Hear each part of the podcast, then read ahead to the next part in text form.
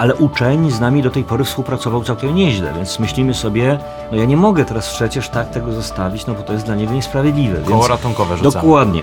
Niestety nasz, nasz podopieczny będzie w tym momencie milczał em, i my zaczynamy myśleć, że coś jednak jest nie tak. Zwróć uwagę, że ten młody człowiek idzie do szkoły w stanie, w którym jego pamięć już jest Ograniczone. e, ograniczona. No a jednak e, idzie tam po to, żeby coś zapamiętać, prawda? Więc trzeba sobie zadać pytanie, mm, no, czy on w dobre miejsce idzie w tym momencie.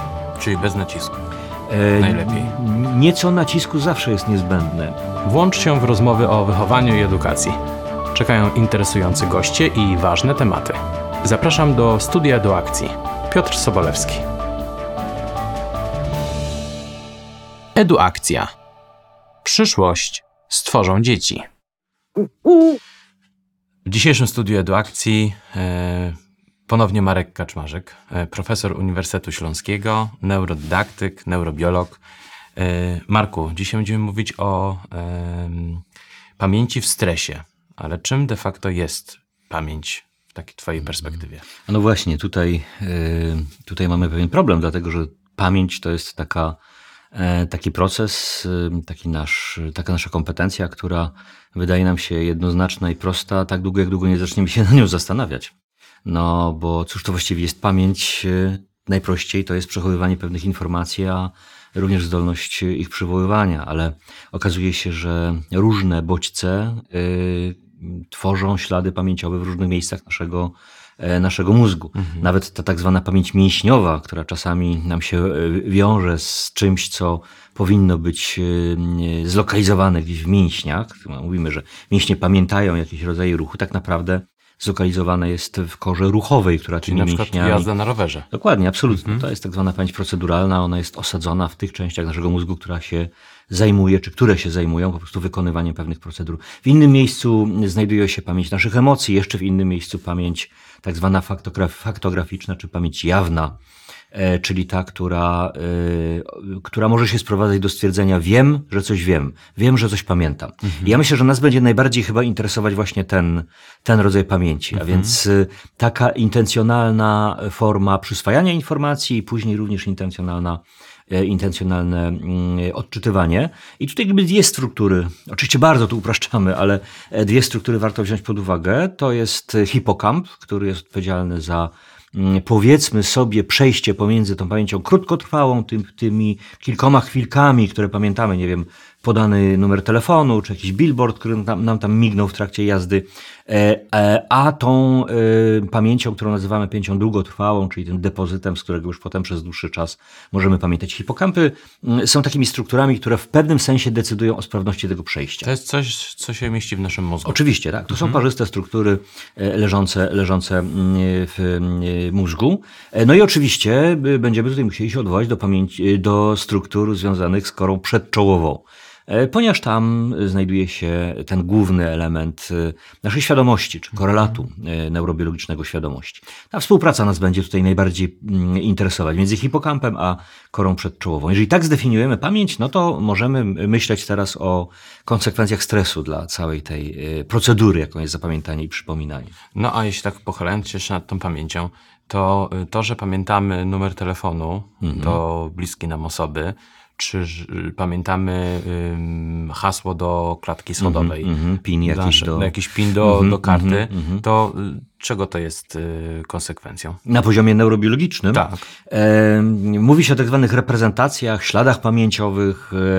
E, e, mądrzej czasem mawiają ludzie zajmujący się tymi sprawami o pętlach rewerberacyjnych.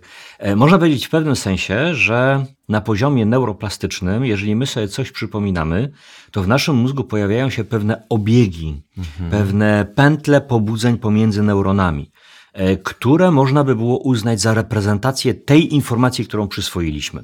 I teraz od tego, jak silne y, są wzmocnienia w tych pętlach, czyli na ile one są trwałe, będziemy mówili o różnych rodzajach pamięci. Pamięci krótkotrwałej, kiedy to są tylko obiegi mm, pobudzeń mm, y, neurofizjologicznych.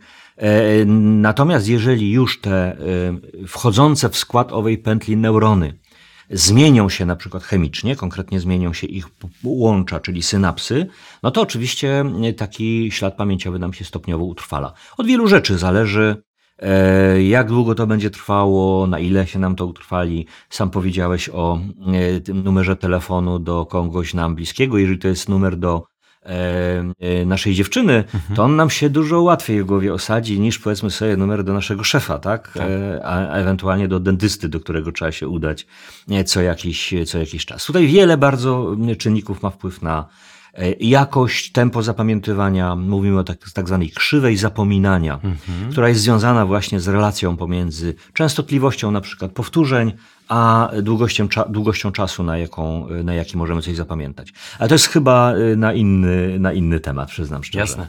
E, no tak, zatem mamy. Mm, pamięć chyba jest takim podstawowym narzędziem w szkole, prawda? Znaczy bez tego to ani rusz. No bo mamy coś, co musimy, co przyswajamy na lekcji, potem musimy to jakoś zapamiętać, żeby potem móc zastosować na sprawdzianie na przykład. Jasne. No to co, co, co w związku z tym? Generalnie oczywiście z, bez pamięci ogólnie rzecz biorąc ani rusz w życiu, no bo to jest podstawa naszego doświadczenia i podstawa tworzenia jakichś wzorców zachowań, relacji i tak dalej, i, tak dalej. Widać to wyraźnie, kiedy na przykład z powodu uszkodzenia pewnych części hipokampów, y, czy to na poziomie choroby, czy jakiejś nieudanej interwencji chirurgicznej, dojdzie do, do czegoś, co e, neurobiolodzy zajmujący się tymi sprawami nazywają, pamięć, nazywają amnezją następczą, czyli brakiem zdolności do tworzenia nowych, e, nowych wspomnień. Często może też być to wynikiem choroby na przykład? Może się zdarzyć, że może być to kwestia, wini- kwestia choroby, nowotworu, uder, udaru, e, ale również urazu. E, Na szczęście to jest dosyć rzadkie, e, rzadkie przypadki, ale one nam są, dosyć rzadkie przypadki, ale one nam pokazują, co się dzieje, kiedy my pamięci tworzyć nie możemy.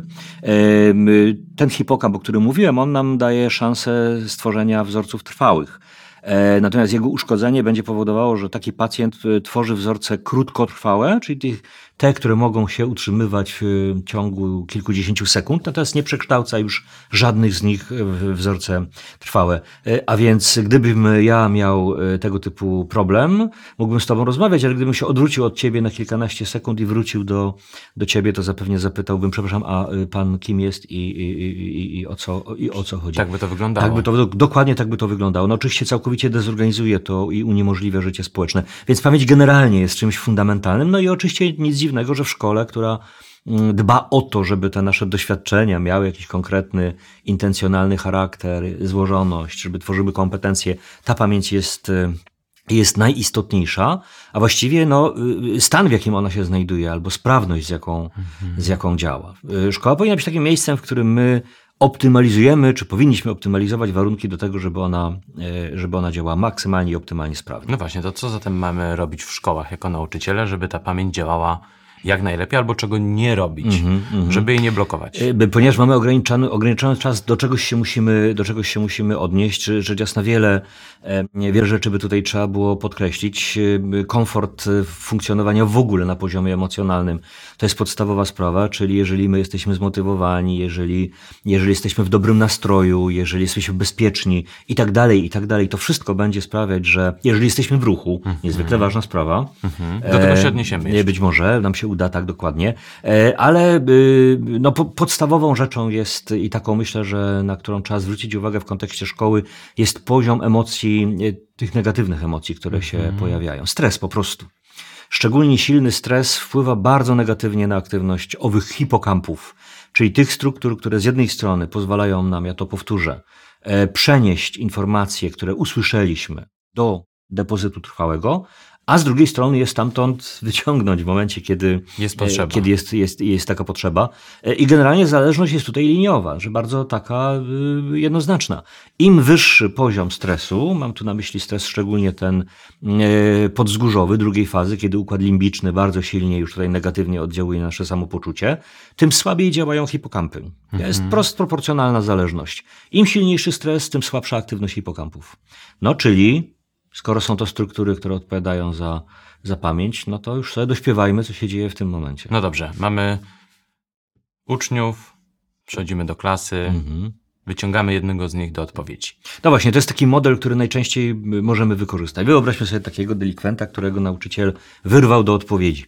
Warto nawiasem mówiąc prześledzić tą sytuację w takim y, nieco szerszym kontekście, y, ponieważ to nam pokaże, jakby wyjaśni nie tylko samo działanie pamięci i możliwości w tym momencie, ale również zmiany stanów albo zmiany sposobu widzenia rzeczywistości, czy tej sytuacji, w której się uczeń znajduje, w zależności od tego, jakie są stany jego mózgu. No bo wyobraźmy sobie, że ten nasz młody człowiek przyszedł przygotowany na lekcję.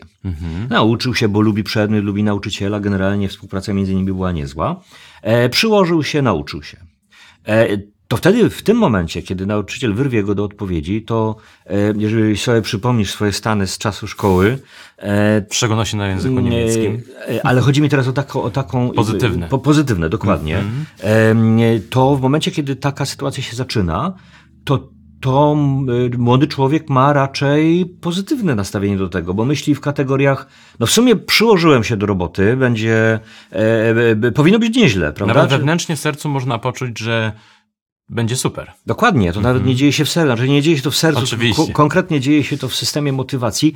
E, I jakieś myśli, które są może nieskonkretyzowane, jak gdyby je nazwać chodzące po głowie takiemu uczniowi, u takiego ucznia brzmiały mniej więcej w ten, w ten sposób. No w sumie fajnie, że mnie pan zapytał, czy pani, bo wyniknie z tego coś dobrego. Ja się troszeczkę napracowałem i będę mógł się pokazać, może będzie jakaś lepsza ocena, a nawet jeżeli mu nie zależy na ocenie, to chociażby na zadowoleniu dorosłej osoby, generalnie pokazaniu się, może socjometrii klasowej, jeżeli jest ona oparta akurat o, o kompetencje w tym zakresie. Nieważne, w każdym razie świat tego młodego człowieka jest światem pozytywnym. Działają te obszary mózgu, które mówią, nie jest źle, idziemy, tak? Bierzemy się do roboty, jest zmotywowany. No i teraz staję w tym miejscu, gdzie y, rozpoczyna się pytanie i musimy się troszeczkę nad tym naszym teoretycznym uczniem y, poznęcać, chociaż no, w szkole często nam się to niestety zdarza, nie tyle intencyjnie, ile, ile po prostu. Ale przyjrzyjmy się takiej sytuacji. E, nauczyciel zadaje mu pierwsze pytanie. No i niestety nie trafia. No wiadomo, jak się y, dzieciak uczy, to zawsze coś mu tam gdzieś umyka, prawda? Jasne. nie, nie, nigdy nie będzie miał 100% tego, Na czego przykład było niech to będą stolice. Powiedzmy, niech to będą stolice, stolice, stolice państw. E, I w tym momencie, mm, i w tym momencie akurat nauczyciel pyta o, y, no, którąś, której nie, nie, nie, nie, nie, nie, nie zapamiętał. E, Dziecko oczywiście nie odpowiada na to pytanie, ale mało tego, że nie odpowiada, to w jego mózgu zaczynają się dziać rzeczy, no, delikatnie rzecz biorąc, oczywiste. To znaczy pojawia się stres. Być może jeszcze ten stres nie jest całkowicie dezorganizujący, ale jak powiedziałem, relacje między stresem, jego poziomem, a aktywnością hipokampu, a więc sprawnością pamięci są liniowe.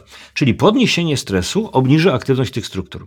A więc z powiedzmy sobie 100% informacji, do których miał on dostęp jeszcze przed chwilą, ja mówię o tym, co on ma w głowie w pamięci długotrwałej, on ma teraz już dostęp tylko do 70%. Nauczyciel zadaje drugie pytanie, równie trudne czy równie łatwe, ale zwróć, zwróć uwagę, że prawdopodobieństwo, że trafi w tą przestrzeń, której on, do której on nie ma dostęp, dostępu, już rośnie. Czyli prawdopodobieństwo, że to znowu będzie pytanie, yy, no, na które on nie będzie znał odpowiedzi, jest większe. I przypuśćmy, że no niestety trafił właśnie w te 30% już teraz niedostępnej informacji. Taka sytuacja spowoduje już bardzo silny stres u tego młodego człowieka. Jednocześnie zmniejszenie y, dostępu do pozostałej części. To już zależy od tego, jak bardzo y, reaguje w tym momencie młody człowiek na stres, ale w skrajnych przypadkach drugie takie pytanie, a może trzecie, jeżeli ten pech będzie się powtarzał, może spowodować całkowite odcięcie dostępu do pamięci długotrwałej. On już nic nie powie. On już właściwie nic nie powie. A usiądzie do ławki i nagle mu się coś objawi. Y, Tak by było, gdyby nauczyciele nie mieli w zwyczaju, i tutaj absolutnie nie obciążam nauczycieli, bo to jest y, rzecz, którą robimy, e, mówię o nauczycielach, również o sobie, e, robimy często z przychylności ucznia. To znaczy mamy dwa pytania, na które uczeń nie odpowiedział, e, ale uczeń z nami do tej pory współpracował całkiem nieźle, więc myślimy sobie, no ja nie mogę teraz przecież tak tego zostawić, no bo to jest dla niego niesprawiedliwe. Więc Koło ratunkowe rzucamy. Dokładnie. Włącza nam się taki tryb ratunkowy, prawda? I zaczynamy rzucać koła ratunkowe, które e, no, są coraz prostszymi i coraz bardziej banalnymi, banalnymi pytaniami. No i tutaj natrafiamy na y, bardzo dziwną sytuację, bo nawet pytanie o to, co jest stolicą naszego własnego kraju, może pozostać bez odpowiedzi. I nie pomoże stwierdzenie, że przecież, y, mój drogi, myśmy dwa dni temu wrócili stamtąd z wycieczki klasowej. Na pewno pamiętasz. Mm, Niestety nasz, nasz podopieczny będzie w tym momencie milczał i my zaczynamy myśleć, że coś jednak jest nie tak. Być może się obraził, może nie wiem, nie chce z nami rozmawiać, może to, że mm, trudno powiedzieć. Nauczycielom różne rzeczy przychodzą do głowy, ale podkręca się u nich również mm, e, ten e, mózg w kierunku raczej sytuacji niezrozumiałej, y, trudnej do zinterpretowania, może już nawet negatywnej. Ten stres u nauczyciela również się pojawia. On też nie wspiera całej sytuacji, ale uczeń po tych pytaniach ratunkowych, na które nie odpowiedział, e, i zdaje sobie sprawę z tego, że one musiały być banalne, jest już w stanie praktycznie em, no, praktycznego braku y, dostępu Po do prostu pamięci silny długotrwałej. stres odciął mu wszystkie możliwości. Absolutnie. Gdyby w tym momencie zapytać pamięci. go o imiona, rodzi- o imiona rodziców, obawiam się, że też by, też Miał by problem. zmilczał. Miałby, miałby z tym problem, dokładnie. On jest w stanie, z którego w tej chwili nie jest możliwe sięgnięcie po jakikolwiek zasób y, w pamięci No długotrwałej. i jeśli taki stres, y,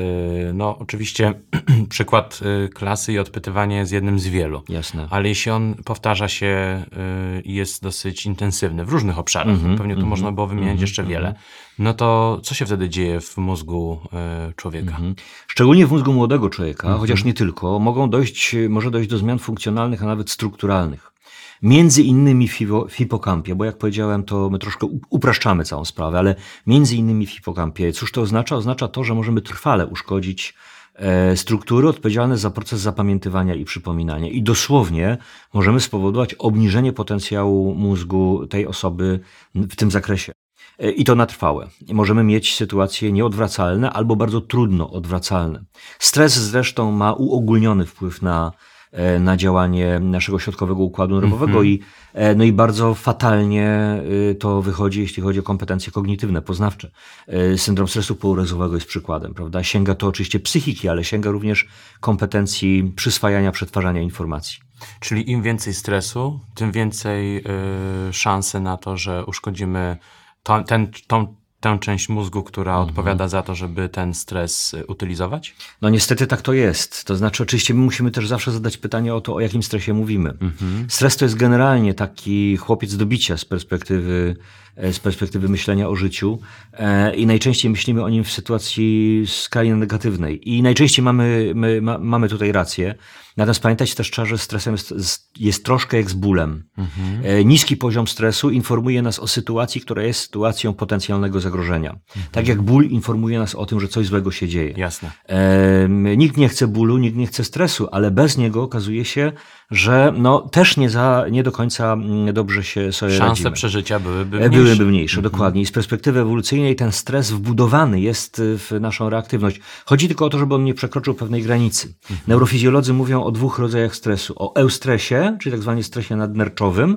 On jest mobilizujący. On właściwie poprawia wszystkie kompetencje ludzkie. Od biegu po możliwość Czyli zapamiętywania. delikatny stres przed sprawdzianem. O, na przykład, dokładnie. Albo mobilizujący stres przed wystąpieniem publicznym, prawda? Który powoduje, że no, nagle się okazuje, że przypominają nam się rzeczy i kompetencje gdzieś tam do nas wracają, o których y, może myśleliśmy, że już, że już ich nie mamy.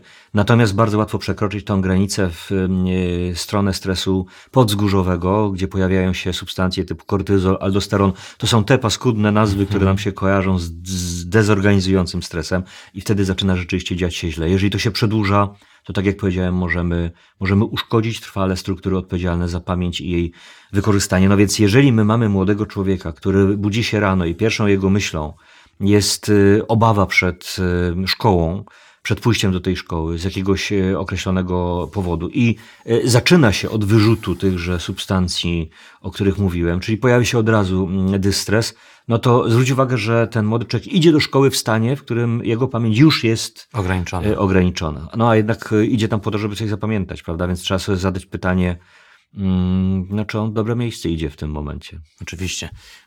Nieraz jako dorośli mamy takie pomysły, żeby mm, robić ekspozycję na bodziec. Czyli Mhm, jeśli coś cię stresuje, to tyle razy cię wystawimy, na przykład jeśli stresuje mnie, wystąpienia publiczne stresują na przykład. No to jeśli tak jest, no to ktoś może wpaść na świetny pomysł, no to niech trenuje. Mhm. I go im częściej, im lepiej wystawiając na wystąpienia publiczne, tym lepiej. Czy to jest y, dobra droga? No jasne, to jest taki pomysł rzucania na, na, na, na głęboką wodę, prawda? Mhm. Jest bardzo częsty w przypadku szczególnie e, sytuacji, kiedy no, nie mamy za bardzo czasu, żeby przyjrzeć się, przyjrzeć się efektom i w pewnym sensie ta reakcja jest e, usprawiedliwiona. Znaczy usprawiedliwiona w tym rozumieniu, że e, e, można znaleźć pewne powody, dla których my tak myślimy. Może nie usprawiedliwiona, ale wyjaśnialna. Em, Problem polega na tym, że w bardzo wielu aspektach naszego funkcjonowania e, zauważamy tak zwany proces habituacji. To mądrze brzmi, a sprawa jest dosyć prosta. Wchodzimy na przykład do kwiaciarni, w której pachnie sto róż i kiedy do niej wejdziemy, no ten piękny zapach jest y, powalający, prawda? Ale jeżeli y, no troszkę zmarudzimy z wyborem tej róży dla swojej wybranki, powiedzmy, e, i pobędziemy tam 10-15 minut, to nie wiem, czy zwróciłeś, zwróciłeś uwagę, ale te róże przestają pachnieć. Tak. E, Ten proces nazywa się habituacją, a polega po prostu- się? dokładnie. Nasze mózgi są ustawione w taki sposób, ponieważ każda informacja kosztuje, y, chociażby pewne, w pewnym sensie obciąża to cały ten system przetwarzania informacji, więc kiedy jakiś rodzaj bodźca jest stały, nasz mózg uznaje go za mniej istotny. Gdyby na przykład w tej, kawiar- w tej kwiaciarni zaczęło pachnieć inaczej, to my byśmy to zauważyli, czyli zauważymy zmianę. Natomiast jeżeli zapach jest stały, to rzeczywiście nasz mózg mówi: OK, przyjęliśmy do wiadomości, ale dalej nie ma sensu tego eksponować, bo są inne ważniejsze, ważniejsze sprawy. I taka habituacja no, powoduje, że ów zapach znika. My często analogizujemy tę sytuację i wydaje nam się, że tak jest ze wszystkim. Problem tylko w tym, że stres jest tak złożoną, y, złożonym procesem i tak odległym od prostego bodźca chemicznego w tym przypadku, czy słuchowego, bo tak samo jest powiedzmy sobie z, z, z pewnymi stałymi dźwiękami, które gdzieś tam się nie pojawią, y, że absolutnie nie działa to w przypadku stresu w taki sam sposób. Y, Zwróć uwagę, że silna ekspozycja, stała ekspozycja na silny stres, tak jak powiedzieliśmy sobie, jest prostą drogą do tego, żeby uszkodzić hipokamp, a więc e, spowodować pewne problemy trwałe z pamięcią. Ale tu muszę powiedzieć o jeszcze jednej ciekawej rzeczy, która jest e, nieintuicyjna. Sam hipokamp, jak się okazało, jest częścią mechanizmu ograniczającego stres. Dziwne, prawda? No bo z jednej strony mówię, że hipokamp wpływa na, inaczej, stres wpływa na hipokamp dezorganizująco, a teraz mówię, że hipokamp ogranicza stres. Tak, na tym wczesnym etapie działania stresu mamy tu sprzężenie zwrotne ujemne. Niewielki stres, ten eustres, ten stres mobilizujący, pobudza hipokamp do tego, żeby nie, nie puszczać go dalej. Innymi słowy, żeby utrzymywać go na poziomie bezpiecznym. Czyli hipokamp reaguje Ten na stres. stres, tak, ograniczając stres, żeby on nie rósł. Tak. Natomiast jeżeli my uszkodzimy hipokamp, to ten związek znika, czyli ta pętla sprzężenia zwrotnego ujemnego nam się załamuje. Hipokamp nie może pełnić rolę ograniczającą stresu. Co Czyli to nie znaczy? mamy takiego systemu odpornościowego na stres. Dokładnie. Nie ma etapu stresu mobilizującego. Mhm. Czyli jeżeli hipokamp nam nie działa w tym kontekście, to ekspozycja na niewielki bodziec stresowy natychmiast wywo- wywoła stres demobilizujący. Czyli można powiedzieć, że żyjemy wtedy w permanentnym stresie? I tacy ludzie żyją w permanentnym stresie, w dystresie, o bardzo, bardzo fatalnych konsekwencjach zdrowotnych. Tu już nie mówimy o pamięci, ale o uogólnionych problemach, głównie związanych y, z y, układem odpornościowym, y, funkcjonowaniem poszczególnych struktur, e, takich jak serce, układ naczyniowy, przewód pokarmowy e, i tak dalej, i tak dalej. To są już bardzo poważne konsekwencje, przekładające się na prawdopodobieństwo pojawienia się, pojawienie się bardzo poważnych chorób somatycznych. Mhm. Y, A jeśli mamy taką sytuację, że mm, dziecko chce spełnić nasze dorosłe oczekiwania, Mhm. na przykład y, no, chce występować w konkursach, Mhm. bo nauczyciel sugeruje, że warto i to robi kilku nauczycieli, no bo mamy zdolnego ucznia, on by mógł występować i we wszystkich olimpiadach możliwych, Mhm. a z drugiej strony mamy rodziców, którzy też mają oczekiwania. Y, Czy te oczekiwania, takie wyznaczanie bardzo mm, ambitnych celów, no, w, w takiej perspektywie, że tego to się marzy nauczycielom i, i rodzicom. No to co to może wywoływać e, w takim e, dziecku? No to jest y, pytanie praktycznie retoryczne, bo po tym, co powiedzieliśmy, no to widzimy, co się dzieje, prawda? Jeżeli Czyli to, dokładnie to samo. Do, znaczy to jest dokładnie to, o czym tutaj mówiliśmy. To, to, to, to, to co, o czym powiedziałeś, to są, to są przykłady sytuacji, które prowadzą do takich właśnie stanów. Czy to ambicje rodziców, które dalece przekraczają, e, przekraczają możliwości tego dziecka. A Tutaj jeszcze warto też pamiętać o tym, że w przypadku, kiedy młody człowiek robi coś, co tak nie do końca jest jego pomysłem, a, a jest pomysłem jednak rodziców, to mm, te e, obszary aktywności jego mózgu, które mogłyby troszeczkę ten stres e, ograniczać. Mam na myśli cały system motywacji. E, Czyli między innymi również e, strukturę e, hipokampów, bo one też uczestniczą w tej, w tej grze w motywację, czyli w robienie czegoś, co mnie, co mnie interesuje. Ale jeżeli to interesuje rodziców, a nie mnie, no to ten system motywacyjny też jest raczej uśpiony, więc prawdopodobieństwo pogłębiania się tego typu następstw stresu jest, jest jeszcze większe. Także jak najbardziej tutaj trzeba być bardzo, bardzo ostrożnym. Oczywiście szkoła, wychowanie, kształcenie jest swego rodzaju grą e, taką bardzo delikatną, trudną i jednocześnie ogromnie odpowiedzialną. Grą pomiędzy no, motywowaniem, wskazywaniem dróg, pokazywaniem możliwości, namawianiem do tego, e, namawianie to już jest słowo troszkę brzmiące. Zachęcanie. Zachęcaniem. O, może Mhm. to jest lepsze słowo do tego, żeby te, te drogi eksplorować. E, Nawet jeżeli to trwa tylko krótko, tylko żeby, żeby po prostu gdzieś tam na nie zajrzeć. E, No a przekraczaniem tej granicy, która byłaby już granicą absolutnie niebezpieczną. Czyli bez nacisków. E, Najlepiej. Nieco nacisku zawsze jest niezbędne. My też musimy pamiętać, że rozwój młodego człowieka jest swego rodzaju wyborem em, z praktycznie nieograniczonych możliwości. Życie jest takim rodzajem drzewa decyzyjnego. Kiedy jesteśmy na samym początku, nasze wyposażenie genetyczne, e, potencjalność naszych losów e, związanych z wychowaniem czy szkołą, praktycznie, jeżeli nie mamy tutaj jakichś ograniczeń związanych chociażby z biologią rozwojową naszego mózgu czy genety- genetyką, e, jest nieograniczoną przestrzenią możliwości, Jasne. ale potem musimy wybrać. Mamy jeszcze taką ostatnią sprawę, która mi przyszła do głowy. Y, A jeśli mamy jakieś przyjemne sytuacje w życiu y, i ten stres lekko występuje, robimy coś nowego na przykład, no i mamy jakiś tam poziom y, stresu, to czy mm, nawet jeśli on jest silny przez chwilę, na przykład, nie wiem, skaczemy z bungee na przykład. Mhm, Niektórym młodym ludziom przychodzą takie pomysły do głowy, podejrzewam, że nie tylko młodym. Ale no dobrze, no i, i, i co? I jakby przypominamy sobie po jakimś czasie, to tak troszeczkę pamięć i stres pomieszany. Mhm. Yy, I wracamy do, yy, po jakimś czasie do tych wspomnień, to co się dzieje w naszym mózgu? Możemy odczuć te same emocje? Absolutnie tak. Tu jest y, kolejna sprawa. Jeżeli oczywiście sprawia nam to przyjemność, e, bo y, w sytuacji, y, w której nad tym panujemy, gdzie możemy określić to ryzyko, czasem jest tak, że ten stres, nawet bardzo silny, krótkotrwały, może być dla nas przyjemny. E, e, I wielu ludzi y, z tego korzysta, chociażby z takich właśnie skoków na bungee, skoków spadochronowych. To są przygody, które my sobie, e, my sobie mm, e, fundujemy. E, Ale to jest dobry przykład, żeby pokazać e, coś, co specjaliści nazywają wcieleniem wspomnienia. E, mm, A właściwie wcieleniem bodźca. Może inaczej to spróbuję y, ugryźć. E, Okazało się, że jeżeli my sobie coś przypominamy, to polega to na ponownym uruchomieniu tych obszarów mózgu, które były zaangażowane w odbiór tego czegoś, co się działo. W skrócie, jeżeli coś sobie przypominasz, to w Twoim mózgu dzieje się to mniej więcej, co działo się wtedy, kiedy To robiłeś. kiedy to robiłeś, dokładnie. Czyli w momencie y, przypominania sobie takiego y, zdarzenia jak skok spadochronowy, my przeżywamy również emocje z tym związane. I to jest fajne dla ludzi, którzy lubią e, skoki spadochronowe. Rzecz tylko w tym, że jeżeli coś w ciągu dnia stało się przykrego, no ktoś nam powiedział coś przykrego, coś się zdarzyło przykrego, e, my potem zajęci codziennością zapominamy o tym, a przynajmniej tak nam się wydaje.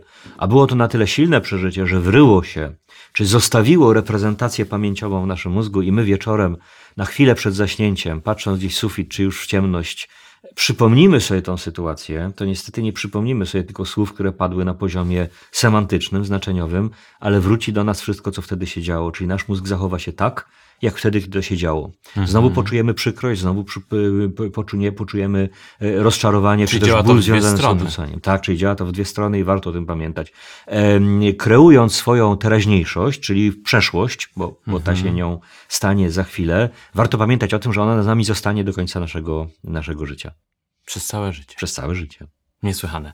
No to chyba tak dobrze podsumowując sobie powiedzieć, że dobrze starać się zapamiętywać te rzeczy, które y, sprawiały nam radość i często je y, sobie odtwarzać w głowie. Jak najbardziej, to jest, jedna, to jest jedna rada, a druga rada, dbajmy o swoje doświadczenia.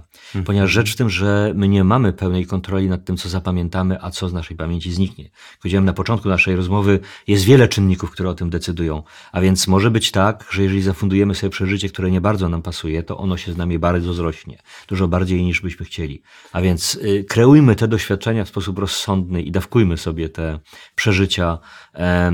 no tak, y, jakbyśmy mieli zapamiętać wszystko. Jasne. Tak w myśl teraz zasady, że co się zobaczy, tego się nie odzobaczy. To prawda, nie ma możliwości odzobaczenia czy odsłyszenia czegoś. Super, świetnie, dziękuję Ci bardzo. Dziękuję również. Serdecznie dziękuję wszystkim słuchającym. Im jest nas więcej, tym więcej mamy wiedzy i empatii dla dzieci, młodzieży, no i siebie nawzajem. Dlatego zapraszam Was do subskrybowania kanału Eduakcji, akcji nauczycieli, opiekunów i rodziców. Jak nas znaleźć? Wpisujcie w serwisach podcastowych w wyszukiwarkę Eduakcja lub od razu wchodźcie na stronę www.edu-akcja.pl gdzie znajdziecie podcasty, blog i szkolenia. Jesteśmy też na Facebooku i na Instagramie. Małpeczka, program Eduakcja. Eduakcja.